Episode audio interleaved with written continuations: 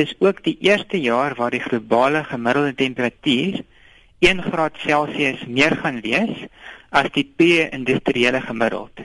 So vandat ons begin het om koolstofdioksied en ander kweekhuisgasse in die atmosfeer in te pomp, het die globale temperatuur nou al reeds met 1 graad Celsius toegeneem. En dit is baie belangrik in terme van die Verenigde Nasies se klimaatonderhandelinge, want tans is die offisiële doelwit van die onderhandelinge om die globale temperatuur toename gedurende die 21ste eeu onder 2 grade Celsius te hou.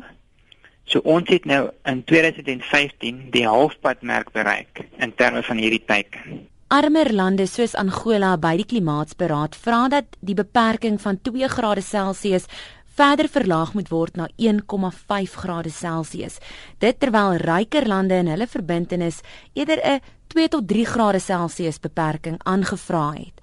Dit klink nou vir ons soos baie klein verskille, maar wat is die werklike impak van selfs net 'n 0,5 grade Celsius verskil? Want in die ontwikkelende lande van die wêreld is daar natuurlik baie minder kapasiteit en minder befondsing beskikbaar om aan te pas vir die effekte van klimaatsverandering. Terwyl in die goed ontwikkelde wêreld gaan natuurlik ook baie nadelige effekte wees van klimaatsverandering, maar as jy 'n goed gevestigde infrastruktuur het en heelwat befondsing beskikbaar, dan is dit makliker om voor te berei op die veranderings wat op pad is.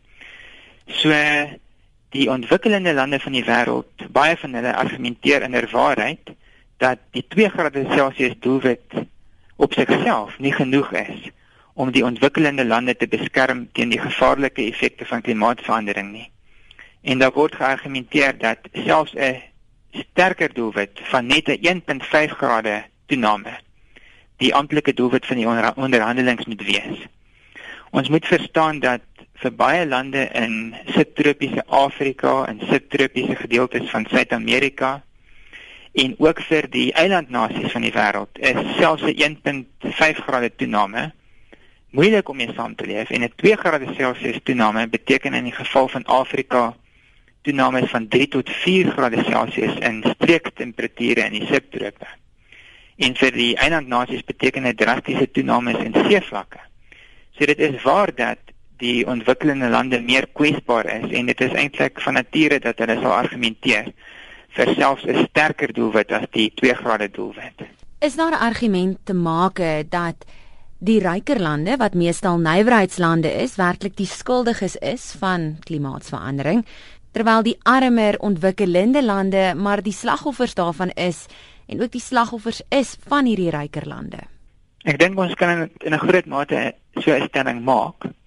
Eerstens is die loodsbestemming van die wêreld in terme van klimaatsverandering in die hande van die groot geïndustrialiseerde lande. En dit is hoofsaaklik die VSA en ook nou China wat natuurlik nog as 'n ontwikkelende land geklassifiseer word wat eintlik gaan bepaal wat gaan gebeur want omtrent 80% van die emissies word vrygestel deur hierdie twee groot geïndustrialiseerde lande. En in 'n groot mate is die ontwikkelende lande van Afrika en Suid-Amerika minder verantwoordelik vir die probleem van klimaatsverandering. Om die waarheid te sê, in die klimaatonderhandelingsproses is daar 'n konsep geskep wat wat hierdie probleem aanspreek. Dit word genoem historiese verantwoordelikheid. So as ons kyk na emissies vrygestel deur die verskillende lande van die wêreld sedert industrialisasie tot vandag, dan is die rol van Afrika in terme van 'n uh, oor om 'n oorsaak te wees van klimaatsverandering geweldig klein. As ons dit vergelyk met sê net maar die rol van Wes-Europa, die VSA, Japan en nou ook China.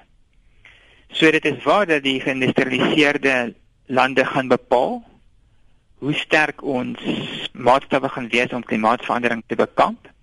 En dit is ook waar dat dit die ontwikkelende lande van die noordelike halfrond is wat tot in 'n groot mate die probleem van klimaatsverandering veroorsaak het.